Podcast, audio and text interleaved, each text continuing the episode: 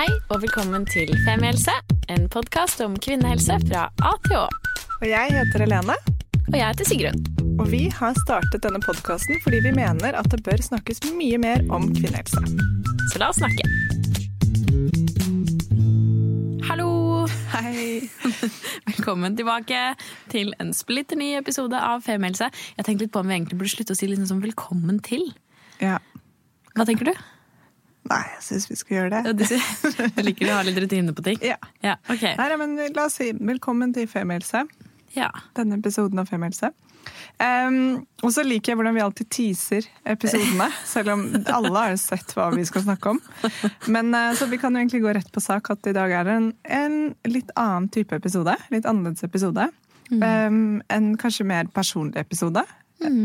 Om det å ha et litt anstrengt forhold til eh, kropp og mat, rett og slett.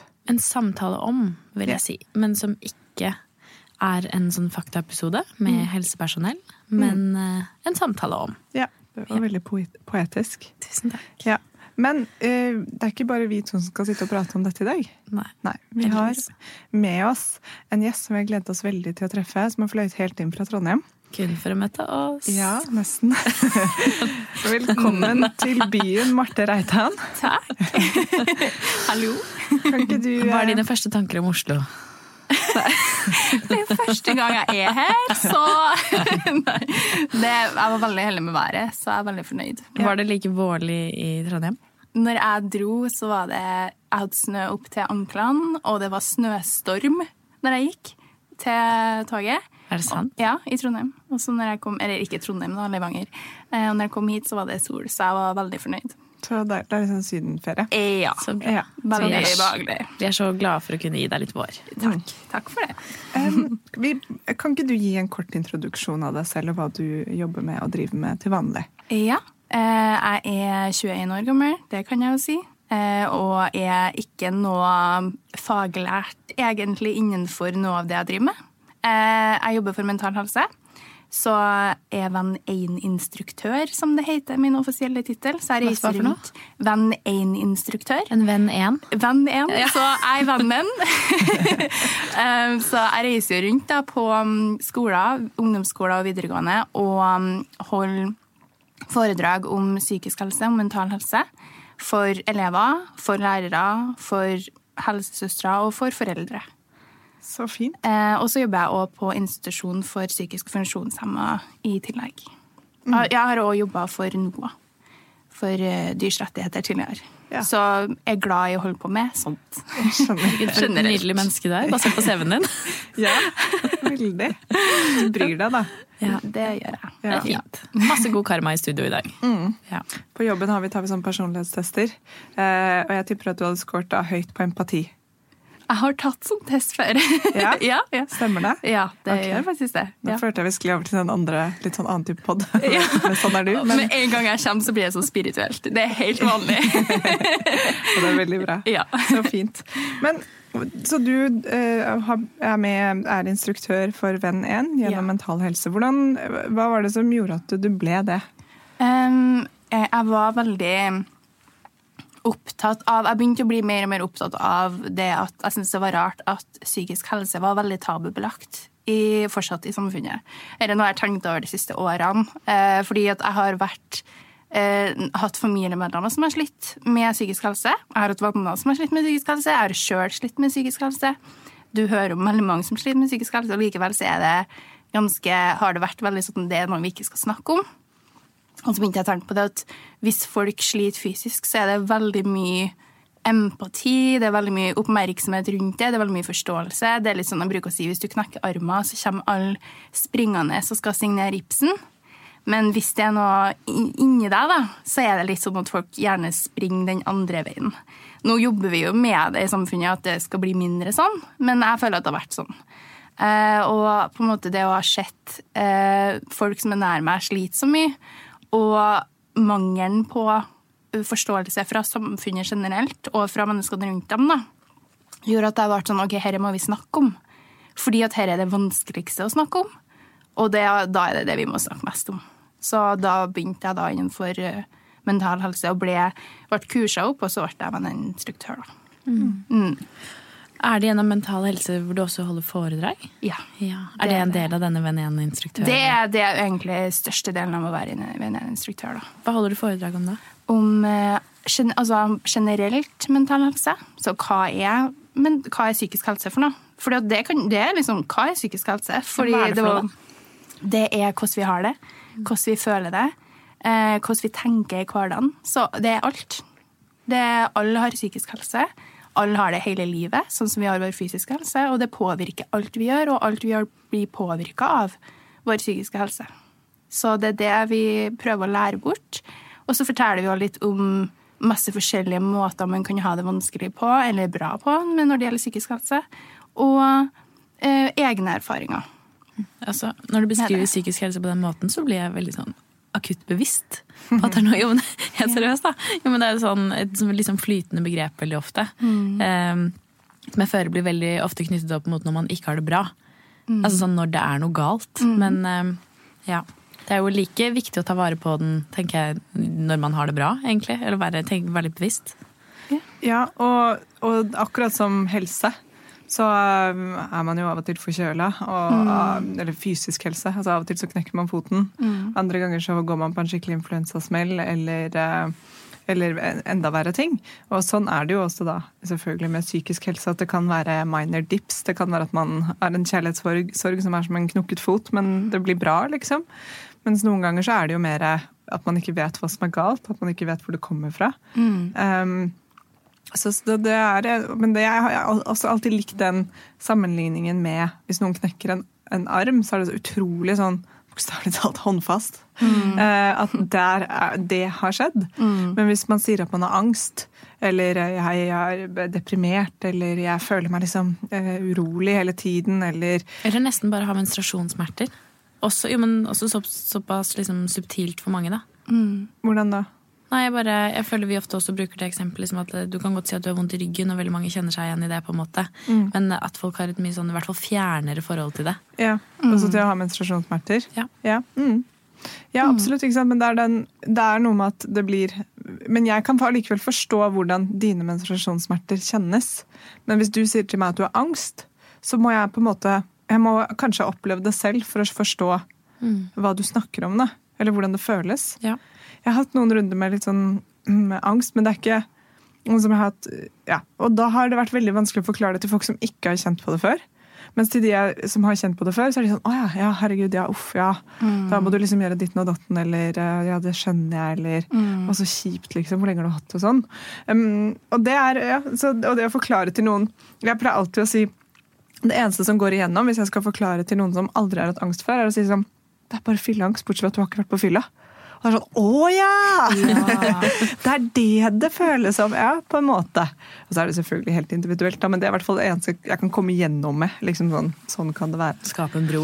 Nei, den likte jeg faktisk. Det er, veldig, det er jeg enig i. Ja, Ja. Mm. Det er liksom frilangst uten fylla. Men hvis jeg, da vi eh, kom i kontakt med deg, så snakket vi også litt om mer spesifikt rundt dette med spiseforstyrrelser. Eh, som jo også er en, en faktisk også en psykisk sykdom. En psykisk lidelse. Er vel kanskje riktigere å si. Og her litt sånn disclaimer til dere som hører på. Her er vi jo da virkelig sånn i hvert fall to ikke-helsepersonell som er vant til å jobbe med dette til vanlig. Og- Det er ikke heller. Nei, ikke sant? Men du, har, du har holder foredrag og har kanskje em, ordforrådet for det. Men så hvis vi sier noe feil eller ikke bruker riktig terminologi, så må dere bare unnskyld, ja, unnskylde oss for Ja. det. Men, ja. Men jeg er jo litt nysgjerrig på Marte, liksom, hvorfor, hvordan, hvorfor dette er noe som engasjerer deg. Eller, ja. Um, jeg, jeg tenker at altså jeg, Nå er jeg jo snart 22, da, men jeg føler virkelig at jeg hele livet har vært omringa av øh, øh, veldig sånn rart for, for, Folk har veldig rart forhold til mat og spising og kropp. Kanskje mest kropp. Jeg tenker vi ser Folk har veldig komplisert forhold til kroppen sin. Og det er noe jeg har vokst opp med. Og jeg føler at ting kanskje er Jeg håper ting er litt annerledes nå, men i hvert fall Det høres ut som jeg var veldig gammel, men når jeg var tenåring, så eh, var det veldig mye snakk om slanking. Veldig mye fokus på slanking. Ikke mye fokus på helse og sunnhet og å ta vare på kroppen sin fordi at du skal ha den veldig lenge osv. sånn. Det var veldig mye fokus på slanking, og det var veldig mye fokus på at veien til lykke var å bli tynn, da. Så jeg hadde veldig sånn tankegang for jeg var veldig ung. Jeg snakka med mora mi om dette for to uker siden. Eh, og så sa jeg at jeg, jeg, husker at jeg var så sykt ung når jeg begynte å tenke at hvis, når jeg blir tynn nok, så løser det alle problemene mine. Sånn skikkelig ung, så jeg tror ned i åtte-niårsalderen, kanskje. At når jeg blir tynn nok, da blir ting bra i livet, liksom, generelt. At det var veien til lykke og veien til suksess. Og jeg husker at det sto på forsida av sånn, Se og Hør og Her og Nå, for da var det da det, Vi hadde ikke sosiale medier sånn ennå. Eh, så det sto på forsida 'Herre personen gikk ned 30 kilo' og sånn gratulerer. Som om den personen har vært på liksom, astronaut og vært på månen eller redda livet til noen. Sånn serr, gratulerer, du har gått ned 30 kilo. Sånn, og da var det sånn Så det er bra.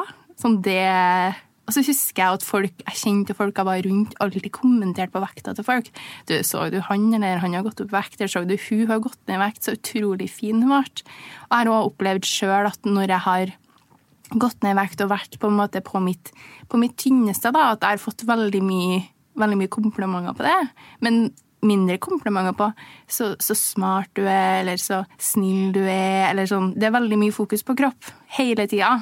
Og derfor er jeg veldig opptatt av det. fordi at hvis jeg hører at unge jenter snakker sånn til kroppen sin og tenker sånn om kroppen sin, så jeg gjorde det sjøl. Og det, det, det, det, blir på en måte brent inni deg. da. Og det er veldig vanskelig å bryte det tankemønsteret når du har det. Det er like naturlig som å puste. ikke sant? Igjen, som jeg sa, psykisk helse er alt vi, tenker, alt vi tenker hele tida. Og hvis en del av de psykiske helse er å hele tida gå og ha det usunne forholdet til kroppen din og mat, så kan det være vanskelig å, å endre på tankemønsteret. Rett og slett. Mm. Hvorfor tror du det er så enkelt for oss å å liksom gå til det at man kommenterer på kropp? Altså sånn Fremfor veldig mange andre kvaliteter man har? Eller Har du noen tanker om det? Um, altså hvis man ser Hvis man leser litt litteratur og sånn fra mange hundre år tilbake i tid, så har jo fokus på utseendet vært der hele tida. Så det er fokus på De begynte jo med korsetter, og det var fokus på altså I perioder så skulle man jo være litt større, faktisk. Så hvis man var tynn, så var det tegn på at man var fattig. Eh, så da skulle man være litt større, fordi hvis du da hadde råd til mat. Og så begynner jeg med korsetter. Så det har bestandig vært sånn spesielt når det gjelder kvinner. Det må, det må sies at det har vært så mye større krav til kvinner når det gjelder utseendet enn til menn. At eh, sånn skal ei kvinne se ut. Sånn er liksom det, det er bra kvinne. Det er veldig langt tilbake i tid. Jeg tror det kanskje begynte som en måte å skille rike fra fattige på. Eh, eller hvis man går helt tilbake til steinaldertida, så var det sånn menn skulle se hvilke kvinner som kunne ordne bra barn. som blir noe helt annet. Men fokuset på utseendet har vært der. Um, og så jo sminke å komme og sånne ting. Uh, jeg vet ikke hvorfor det, om det er et primitivt uh, på en måte en primitiv innstilling vi har, og at det første vi ser er utseendet til folk, at det er noe vi fokuserer på når vi snakker om. Men det vi har nå, som er det ekstreme kroppspresset, utseendepresset, ned til hver minste lille detalj, det er ikke bare sånn du skal være sånn, det er veldig mye som skal være på plass. Det er jo vil jeg påstå er sosialt uh, konstruert av samfunnet, at det er veldig menneskeskapt og veldig mediaskapt vil jeg påstå da, at det er mye, mye media og sosiale medier og sånne ting. Mm. tror jeg, fordi Det er bare det å sammenligne, det at man har så mange å sammenligne seg med hele tida, eh, det tror jeg er en stor del av det. Virkelig. Ja. ja. Man får på en måte komplekser man ikke visste at man trengte å ha. Oh, ja. Um, ja, vi er jo midt oppi den debatten nå med influenser og alt det, men er, vi trenger ikke å gå inn på den. Men det er, det er veldig interessant. Mm. Og, og um, Vi skal snakke om da jeg var ung, men faktisk da jeg var ung, så var det liksom superfint å ha uh, store silikonpupper. Mm. Det var det alle skulle ha. Mm. Liksom Pamela Andersen, da. Uh, og, men så plutselig begynte det å snu litt til at man skulle ha større rumpe. Og det kom etter hvert, og da var jeg sånn Faen, var ikke det når jeg var tenåring? Nei, men det var, det er, Og de tingene skifter ganske fort, og de snur kanskje fortere nå enn før, fordi de, alt som alt annet sant, mot og trender går så fort. Da. Så det å greie å henge med på hva, hvordan kroppen din skal se ut, er jo bare vanskelig i seg selv. Det er stress. Mm. Men jeg syns jo på mange måter at liksom, det er jo det du sier med at før var det liksom et bilde på, eh, på livet. Ikke sant? Eller altså sånn, Hvorvidt man var fattig eller rik eller kunne mm. lage gode barn eller ikke mm. gode barn. på en måte. Men eh, det er jo litt sånn i dag også, jeg tenker i hvert fall i et sosiale medieperspektiv, hvor du selger ikke lenger Eller det er ikke egentlig kropp fokuset som er problemet, men i veldig stor grad eh, en livsstil du, du selger mm. i liksom gåseøyne. Fordi det er jo noe med liksom at Hvis du tenker at du har den kroppen til det mennesket, så får du også det livet. Liksom med den Chanel-vesken og på den solsengen og med de grønne smoothiene og med den, i det lykkelige forholdet. Mm. Og ja. Mm. Og så er det jo, jeg tror at veldig, det må vi være veldig obs på, det snakker jeg veldig mye om, er at eh, veldig mange prøver å tjene penger her. Sant? Sånn at eh, Er det produkter for cellulitter eller er det slankeshaker og sånne ting som ikke fungerer, så vær så snill, ikke kjøp det. Men eh, så er det for å tjene penger, ikke sant? Ja, men ja. Det, så jeg syns det er så fint at man sier sånn der eh, Se for deg liksom hva som skulle skje hvis alle kvinner våknet opp i morgen og bare var fornøyd med seg selv. Altså. Industrier mm. ville jo gått konkurs. Mm. Altså, all, det ville jo bare det ville bare falt sammen, da. Mm. Um, mm. Nei, og jeg kjenner meg jo veldig igjen i den tankegangen din med vekt mm. uh, og kroppsfokus på seg selv. Mm. Jeg kan ta meg selv i å tenke det nå. Uh, at å, men jeg burde gå ned to-tre kilo. Og så burde jeg, hvordan skal jeg få til det, liksom? Og nå er det mars, burde jeg gjøre det før sommeren? Men nå er jeg liksom blitt litt jeg vet ikke, nå driter jeg også litt mer i det. Mm. Men det, det, sitter på en måte i et sånn tankemønster i meg. da. Så selv om jeg nå på en måte uh, tenker at nei, vet du hva, jeg vil faktisk heller spise pasta og drikke vin med kjæresten min, eller at uh, Sigrun og jeg skal gå og kjøpe smågodt etter at vi har uh, spilt inn en pod og liksom trenger en kicker, på en måte. Mm. Det, jeg, vil, jeg vil heller bare jeg vil heller leve et vanlig liv. Mm. For det er i hvert fall en ting jeg har skjønt. da. Det tok meg mange år å skjønne. Og det er det at hvis ikke du er på en måte hvordan skal jeg si dette da? Hvis du ikke er liksom 100% genetisk disponert for en sånn eh, jeg skal kalle det Instagram-kropp, da, mm. så krever det et regime. Ja. Og en, en, en, unaturlig regime. Et unaturlig mm. regime hvor du eh, også nekter deg selv veldig mye. Mm. Og så sier jeg ikke at man skal um, liksom bare spise dritt. Uh, mm. Men for meg så endret i hvert fall Jeg tror mitt store skifte i mitt forhold til kropp kom da jeg ble mye mer opptatt av hva jeg puttet i meg som var bra, enn hva jeg ikke skulle putte i meg. Mm. Når jeg ble sånn, altså, sånn som når jeg går i lunsjen i kantina, da tenker jeg alltid ja, jeg må ha mye grønnsaker, og de må være fargerike, for da vet jeg at jeg får i meg antioksidanter. Mm. For da får jeg meg liksom proteiner. Og så, altså, og ikke så, så tenk, og så kan jeg gjerne ta en neve nachos ved siden av, for det er liksom ikke det det handler om lenger. Det er mer sånn ja, hva trenger jeg for at kroppen skal være sterk og frisk og funke? Mm. Og det, er, det, tar lang tid å implementere også den tankegangen. da, Fra å gå liksom telle kalorier til mm. å tenke hva er det kroppen min, hvilke byggestener er det jeg trenger for å funke. Absolutt. Jeg tror, det hører jeg veldig mange som sier, som har hatt det tankemønsteret som nå er mer, mindre fokus på hva de ikke kan spise, og mer fokus på hva de burde spise. Mm. Um, det er jo selvsagt også veldig individuelt, men jeg tror det du sier, er veldig viktig å påpeke at det kroppene vi ser, da, er, de har ofte personlige trenere, de har personlige kokker, de får behandlinger som vi ikke engang vet om, alle behandlingene som det går an å få. At det ikke går an å stille samme krav til seg sjøl og, og, tenke 'hvorfor klarer ikke jeg å komme dit', eller 'hvorfor er ikke jeg sånn'? Jeg hadde, det er veldig bra nå at det, i media og sosiale medier så er det mye mer forskjellige kropper og fasonger og størrelser. og ja, folk som ser helt uh, forskjellige ut. Sant? Alt, alt finnes å se nå. Men uh, når jeg var ung igjen Jeg er ung. Men når jeg var yngre, så hadde jeg Eh, Instagram hadde ikke kommet inn. Altså det, det, tror jeg faktisk at Instagram både gjør vondt og kan gjøre godt. Eh, fordi at vi så bare Jeg husker jeg hadde ramma inn bilder av Keira Knightley og Paris Hilton. Eh, da var det liksom det. Og jeg så ingen med min fasong og mine former rundt omkring på TV eller på For det var ikke sosiale medier eller i magasiner. Og når jeg da plutselig våkna en morgen og hadde kommet i puberteten og dobbelt, hadde dobbelte størrelser av Karen Knightley, så skjønte jeg ingenting. Det var sånn Men hvorfor, hvorfor skjer det heller, liksom? Det var jo sånn jeg skulle bli. Eh, mens nå er det sånn ok, så det går an å se sånn ut, og så går det an å se sånn ut. Altså det fins mer å sammenligne seg med òg. Sånn at man skal ikke sammenligne seg, men noen ganger så kan det faktisk hjelpe å se at det finnes folk som er veldig like deg. Ja. Og, ja.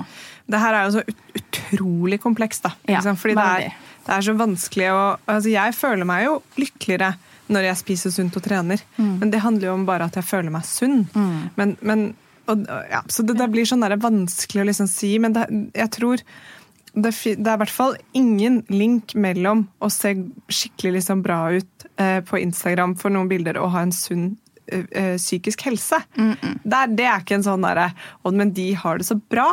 Det er sånn, De kan se bra ut, og kanskje de har det kjempebra, men det mm. betyr ikke at de har det kjempebra. Men det er ikke noe man trenger å liksom minne seg selv på. for å, Men allikevel, altså, det, er en, det er så komplekst. Ja. Det er så mange det er nesten, ja. så man nesten, Dette er bare synsing fra min side, men man nesten kunne trekke en tydeligere parallell mellom det å være altså, leve et sånt veldig sunt, lykkelig liv fullt av trening og grønnsaker og tenke sånn er det ikke nesten mer sannsynlig at de ikke har det dritbra? Mm. Jo, altså sånn, fordi man vet at det krever en så voldsom innsats. Jeg vet selv nå har jeg endelig kommet med etter veldig mange år hvor jeg har tenkt veldig mye på det her. Altså, helt, mm. siden, helt siden jeg var som deg, altså et mm. lite barn. Jeg vet ikke hvor det kom fra den mm. Jeg Har ikke peiling, men som sikkert har vært med siden jeg var fem, liksom. Seks, syv, åtte.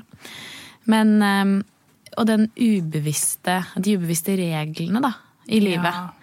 Det er så mye regler, altså mm. sånn, og så mye dårlig samvittighet, og så mye som er riktig og galt. Og jo, du føler deg bra hvis du klarer å opprettholde de treningsrutinene, og du føler deg sterk i kroppen, sterk psykisk, mm. uh, og du klarer på en måte vet at du får i deg næringsrik mat, men ja Nei. Det er vanskelig. Og så jeg vet jo av erfaring at det at jeg alltid trodde at jeg jaga denne lykke lykkefølelsen og liksom lykken var, og suksess var å være på mitt tynneste.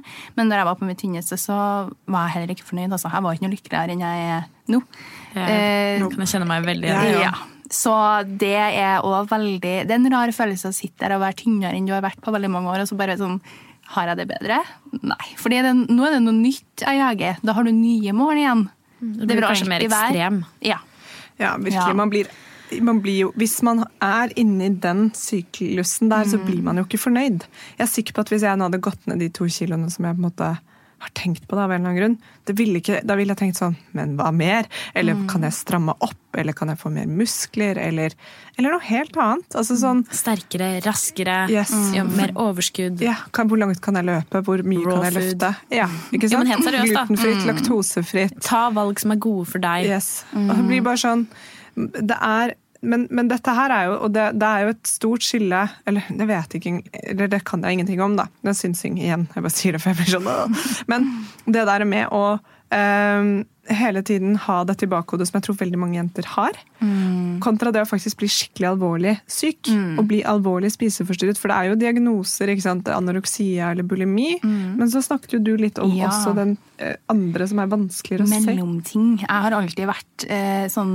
hatt sånn diffus sånn, det, Jeg likte det du sa vi snakka i dag, så sa du at eh, spiseforstyrrelser hadde prikka litt på skuldra. Kunne har vært litt sånn her er jeg sånn forsiktig. Eh, og jeg tror det er veldig mange som har store problemer når det gjelder utfordringer når det gjelder kropp og mat, som kanskje ikke har veldig passer inn i denne boksen. Anoreksi eller bulimi eller så, Det finnes jo veldig mange forskjellige diagnoser og mange forskjellige spiseforstyrrelser. Og nå vet vi jo mer, ikke sant? så det finnes jo binge-eating, og det, det finnes veldig mye forskjellig.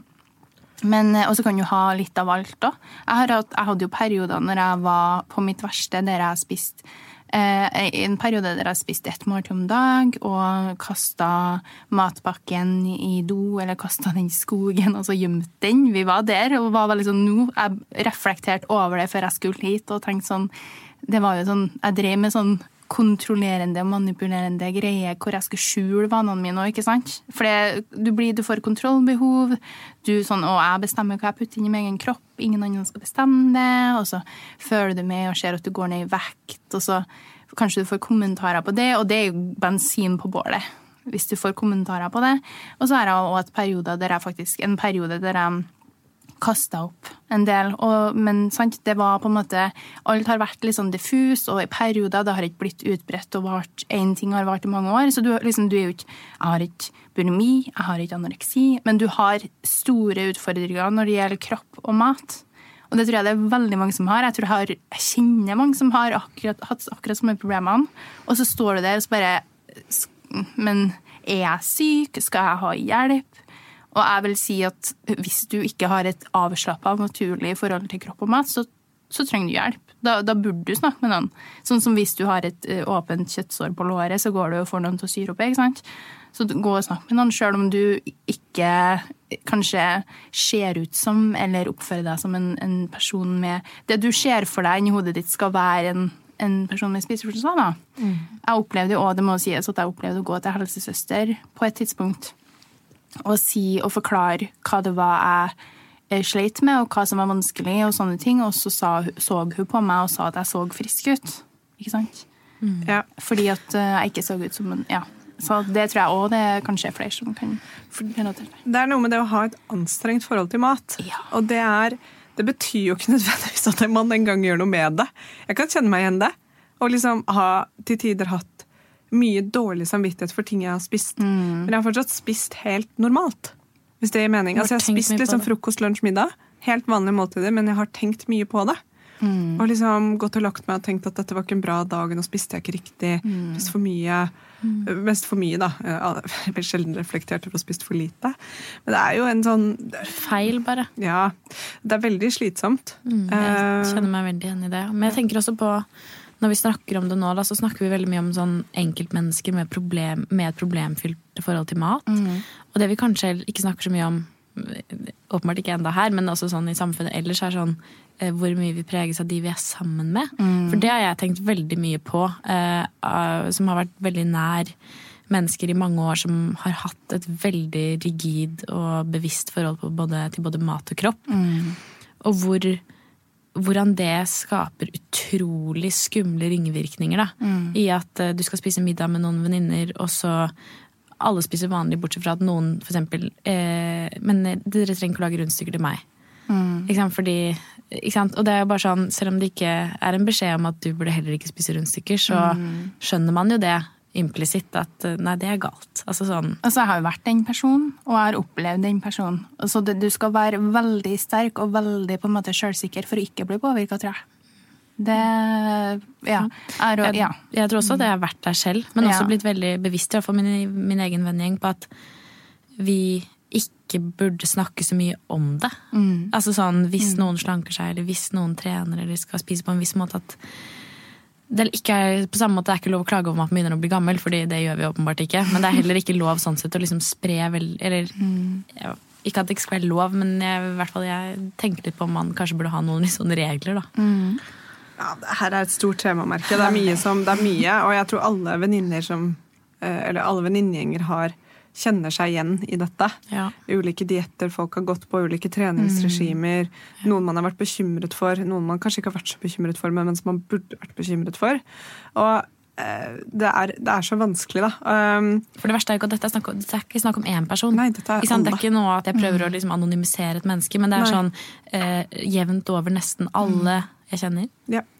Ja, men det, det, det er derfor det er så viktig òg. Fordi at altså, nesten alle jeg kjenner òg. Det, Det er jo ganske sjukt av dere. Det er jo så, ikke sant? Og det er nettopp det er så sykt. Og det er sånn der, um, Dette er veldig sånn, litt sånn skoleflinkt på en eller annen måte å si, men før så var det jo litt sånn at man spiste eh, sukker i, på helgene. ikke sant? Sånn der, Ja. Den klassiske historien til mamma som var sånn vi delte en flaske brus på lørdagene.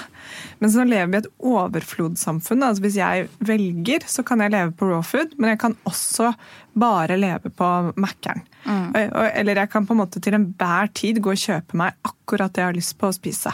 Fordi det, du kan få det billig, eller du kan få det ja. Og det, det, det henger ikke sammen. Så vi har også blitt, er jo et samfunn hvor en, du påvirkes av veldig mye av det du ser og skjønnhetsidealer, men også fristelser overalt. Da. Og som gjør det at man må jo faktisk ta et bevisst valg på det å være sunn. Men det å være sunn kanskje kan veldig fort også bikke over til å bli Ekstremt. ekstremt. Og hva er det du er sunn for? Er du sunn for at organene dine skal få, liksom, og kroppen din skal få den næringen du trenger, eller fordi du skal ikke bli tjukk? Eller som, hva er det du, hvor er det du, hva er det, som er agendaen din? Da? Det er, eh, altså, det er et, et press fra alle kanter. Jeg tenker at det, det å snakke om det, liksom, det er jo det vi i Femihelse alltid lander på. Da. Men det å liksom orke å ha samtalene om det og, og, Fordi det er jo tankemønstre som i hvert fall alle vi tre her har hatt siden vi var små. Um, Får skikkelig klump i magen av det. ja. Jo, men det er Det er skikkelig, det er skikkelig vondt å tenke på. Ja. Jeg, jeg, jeg tar meg sjøl i å tenke stakk, jeg syns synd på lille meg. Tenk Ja. sånn, «Herre, Hvordan kunne du tenke sånn? ja, Liksom? det man er får lyst til å dra tilbake og gi seg Ja. selv en klem. Absolutt. Mm, og Det- si at ja. eh, du er fin, du er ikke tjukk, det går bra. Og så er man liksom Ja, nei, det er vondt å tenke på all den tiden man har brukt på å reflektere over det. Absolutt. Og ja, og så så mange som på en måte også um, virkelig har en Hva skal jeg si? Man sier jo av og til, og dette er noe jeg husker læreren min på ungdomsskolen sa, at eh, hvis, altså, det er ofte veldig ressurssterke, liksom viljesterke, spesielt jenter, og en del Mm. gutter som, som blir syke. ikke sant? Fordi du har, du har et, et driv som, er, eh, som man bruker på, Mm. på noe innover i seg selv. da. Eh, og som kan være veldig vanskelig å jobbe med. Ja, jeg, er jo, jeg opplevde jo når jeg, når jeg gikk til helsesøstre og ikke fikk hjelp, så tenkte jeg at jeg ikke hadde nok viljestyrke til å være syk nok. ikke sant? Ja. Det er jo helt Ja, ja, Du var ikke, syk, du var ikke Ja, bra ja, nok syk. Ja, for, ja, det er jo det, jeg tror det er et reelt problem. Men også hørt liksom folk som har sagt at jeg skulle ønske at jeg klarte å få anoreksi. ja. Men Det jeg er jeg ikke hørt. viljesterk nok. Jeg klarer det ikke. Mm. Mm. Absolutt. Men hva når du drar rundt da, til videregående skoler og ungdomsskoler Mm. ja, og snakker, hva, hva sier du til disse kidsa?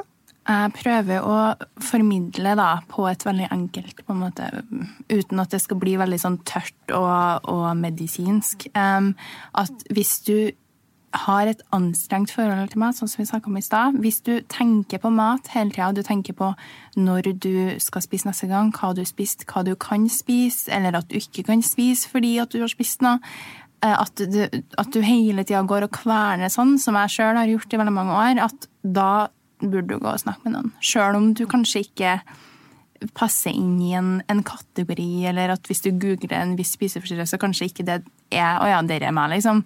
Men hvis du går og tenker på det hele tida, og det ikke er på en måte et, et fint og avslappa naturlig forhold til kroppen din og maten din, så tror jeg alle kan ha godt av å snakke med noen. Men det er jo nesten sånn det er jo nesten overveldende, fordi det virker som at hvis det er en oppskrift da, på hvordan man skal gi folk komplekser og spiseforstyrrelser, så følger jo samfunnet den oppskriften. Så det er jo sånn, ok, kanskje absolutt alle trenger å gå og snakke med noen, da. Men, men ja, kanskje vi gjør det. Og det har vi Ja. også hatt noen runder på her i tidligere episoder, hvor vi også har sagt med at når det gjelder å snakke med noen, så kan jo den noen være Ja. mange. Altså Det kan være helsesøster, eller det kan være en venninne, eller det kan være broren din, eller moren eller faren din, eller en, en terapeut eller psykolog eller Fastlege. fastlege. Men det å åpne seg litt opp, da. Noen ganger så kan problemer bli litt sånn et troll i solen, at det sprekker litt. Så neste gang man da får de tankene, så blir man litt sånn, i hvert fall klar over at man er inne i et eller annet mønster som, man, som kanskje er veldig lite hyggelig å være i. da. Og hvordan man kan komme seg ut av det, det er dessverre nok i ja, Vi har i hvert fall ikke den oppskriften her. Men, øh, men det handler jo litt om å jobbe med å bli glad i seg selv og glad i kroppen sin, men det er jo lettere sagt enn gjort, da. Virkelig. Det er lettere sagt og gjort, og jeg, når, når jeg sier det jo sjøl, og når jeg sier det, så er jeg litt sånn åh, er det dumt at jeg sier liksom, vær glad i deg sjøl, sett pris på deg sjøl? Sånn, du har føtter som kan gå, armer som kan Du kan springe, du kan bruke kroppen din, vær takknemlig. Og så blir jeg sånn, er det dumt? Men uh, det er et steg i riktig retning. Um, men det er, det er jo ikke noe oppskrift. Det er veldig individuelt. Det kan hjelpe å bare snakke med hvem som helst. Men Ja. for unge mennesker, føler du at uh, mye løses med å bli litt eldre? Eller vet du noe om det? Av egen erfaring, så ja. Og det er skikkelig sånn vanskelig å si sant, til noen som er 14-15-16 og si at om fem år så, så For det er jo ikke er noen garanti. annerledes. Men når jeg var på den alderen, så følte jeg at herre var livet mitt. At herre kom sånn kom seg til å være. Det er veldig mye som skjer på de årene. Vi utvikler oss veldig mye. Hjernen vår utvikler oss. Vi utvikler oss som mennesker.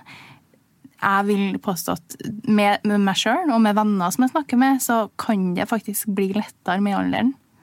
Men vi må ta det der problemet er òg. Sånn at hvis det er det når du er 14 og 15, så må vi se på det, ikke sant? Vi må dem, Vi kan ikke si bare sånn 'vent og se'. Det går ikke, sikkert nei, over. vent og se. Vær glad i deg sjøl. Det finnes større problem. Altså, vi kan jo ikke gjøre det. ikke sant? Sånn at Jeg, jeg syns det er et samfunnsproblem. Det er et samfunnsproblem når at så store mengder av, av tenåringer og ungdommer eh, går rundt og, og har dette giftige forholdet til kroppen sin og til mat. Da er det et samfunnsproblem. Ja. Ja, er helt enig. Og det, er, og det er jo et på mange måter tipper jeg faktisk et liksom ganske globalt problem også. Så i hvert fall mye i ja, et globalt problem. At det er eh, fordi vi blir pushet på de samme budskapene uansett hvor i verden man bor. Og det er i hvert fall ikke et typisk norsk problem, tror jeg. Så det er liksom stort, da. Men eh, ja. At det er mye fokus på nettopp, som du sa i stad, jeget. Selvrealisering. Som er at vi skal utvikle oss selv, og for mange så betyr jo det nettopp gjøre ting som er bra for meg. Spise bra, trene bra. ikke sant? Bli et bedre menneske. Ja, Mat er så utrolig komplekst kapittel i livet. for det er sånn, Nå får jeg ikke nødvendigvis dårlig samvittighet for at jeg liksom spiser en kake pga. kaloriene, men jeg er mer sånn, det er dårlig for tarmbakteriene mine. det er bare sånn. ekstremt Det liksom bare, ja, det, det bare brekker over på noe annet. da, ikke sant? Nå handler det om at jeg gjør ting som ikke er så bra for meg. Ja, Vi kan for mye. Ja, Men jeg, jeg, i hvert fall, jeg, nå er jeg der at jeg er skikkelig sånn blir sånn fornøyd med meg sjøl hvis jeg klarer å, å, ta, å velge og ok, nå skal jeg gjøre noe som altså Hvis jeg ser at oi, her selger de muffins, og jeg bare ok, jeg kjøper meg en muffins og spiser muffinsen fordi jeg hadde lyst på den, det er liksom, ta, da blir jeg sånn Oi, det var skikkelig godt, liksom. For det var ting jeg aldri klarte å gjøre. ikke sant? Jeg gikk i så mange år og var sånn aldri skulle Jeg hørte det var noen som sa eh, Allow yourself to make bad decisions. Og det tror jeg kanskje er litt viktig her. Altså. Du, så det trenger ikke å være sånn at ok, nå skal du spise fem muffins hver dag eh, hele tida. Men å la Det kan være skikkelig stort. Og når jeg begynte å lære meg liksom, bare i sosiale sammenhenger, og når du er på bursdag, og jeg gikk i veldig mange år og aldri kunne ta det ene kakestykket Når du lærer deg å kunne ta det ene kakestykket og vite at det, ingenting skjer, verden går ikke under, liksom, det er det er skikkelig godt. Ja, nei, og det, et anstrengt forhold til mat er nok eh, Det er så komplekst og så stort Veldig. at um, jeg tror ikke vi kommer noen nærmere løsning. Men jeg synes i hvert fall det var veldig fint å prate om det. Jeg merker at det er en stund siden jeg har eh, snakket med noen om det. Reflektert liksom Jeg, på også det. føler fortiden kommer litt eh, jo, men bakfra. Ja. Jo, men jeg, jeg kjente var det ja. For det kommer ting man ikke tenker på lenger. Eller i hvert fall ikke jeg akkurat nå. Jeg er så heldig at jeg er på et godt sted da, når det kommer til å nettopp egentlig, egentlig bare være glad i meg selv. Men um, ja. Ja, nei, Godt og vondt. Godt og vondt. eh, riktig. Ja. Men uh, takk for uh, bevisstheten. Og ja, det var en veldig fin måte å snakke om dette på. Det Mm. var veldig deilig og fint. Tenk litt på, Vi vet jo ikke helt eh, hvor gamle dere som sitter og hører på er. Det har ikke så mye å si, egentlig, men hvis du hører på dette her og tenker at du kunne trengt noen å prate med, så er det selvfølgelig det Jeg, jeg elsker å gå i terapi, det er min hobby. Eh, Nei da, men eh, for meg er det som å trene, da. Det er bare å trene hodet. Men man kan vel også ta kontakt med Mental Helse? Ja, Ja. eh, vi har jo Altså, du kan chatte, skrive, og du kan ringe. Eh, Så det finnes masse. Altså, det finnes jo også, det Mental Helse har det, og det finnes òg andre nettsider på nett. Vi bruker å si 'vær kildekritisk', ikke sant? ikke tro på alt. Men det finnes der du kan skrive vet du 'nå føler jeg dette, nå har jeg det vanskelig', og bare snakke med noen hvis du kanskje ikke eh, er klar for å ta steget og gå til fastlege eller psykolog eller helsesøster, da. Um, så det, ja, det finnes chattesider og telefoner som er åpen 747 nyttårsaften, 17. mai, fordi at det kan være vanskelige dager. Så ja. Og det er alt, altså ikke bare når det gjelder kropp og mat, men uansett hva du, hva du vil snakke om. Så det anbefaler vi. Og, og eller prate med noen andre som du er nær og glad i. Det er også fint. Så bra. Uh, har du noe oppsummerende du vil si, Marte? Eller føler vi har vært igjennom Jeg vil oppfordre med å si Ja, jeg vil si at jeg syns at foreldre skal være obs på sitt forhold til sin kropp foran barna sine. Sånn at altså, ja, foreldre, onkler, tanter, besteforeldre, vær obs med hvordan dere snakker om deres egen, egne kropper foran barn og barnebarn. Eh, Fordi at hvis de blir lært opp til, det gjør de jo av media, av samfunnet, men også av familie og folk som er nærme dem, at eh, ok, familiemedlemmet mitt går og kritiserer sin egen kropp hele tida, så blir jo det sånn Så da er det meninga vi skal gjøre det. Så det er et lite sånn oppfordring, da. Kanskje tenke litt over hvordan man snakker om sin egen kropp, og hvilket forhold man har til sin egen kropp foran, foran unge, da. Som eh, det kan være, ha innflytelse på dem. Helt enig. Det syns jeg er et skikkelig fint eh, avsluttende tips. Veldig fint. Ja. Tusen takk for at du kom, Marte. Det var kjempehyggelig. Det var veldig hyggelig å ha deg på besøk. Ja, takk skal du ha. Tusen takk til alle dere som hører på. Håper dere likte denne måten også å, å gjøre en episode på. Mhm. Vi gleder oss til å høre hva dere synes. Så, veldig bra. Okay. Tusen takk. Ha det! Tusen takk for at du hørte på podkasten vår. Selv om det forhåpentligvis kommer tydelig frem, så vil vi understreke at vi ikke er helsepersonell. Ja, så som vanlig, kontakt legen din om du har noen spørsmål, eller om du skal begynne på noen form for behandling. Og har du et tema som du har lyst til at vi skal snakke om, eller noe ris eller ros, så send oss gjerne en melding på Facebook eller på Instagram. Der finner du oss under Femihelse. Og du kan gjerne rate oss på iTunes, det er skikkelig hyggelig for oss. Ha en fin dag! Ha en kjempefin dag!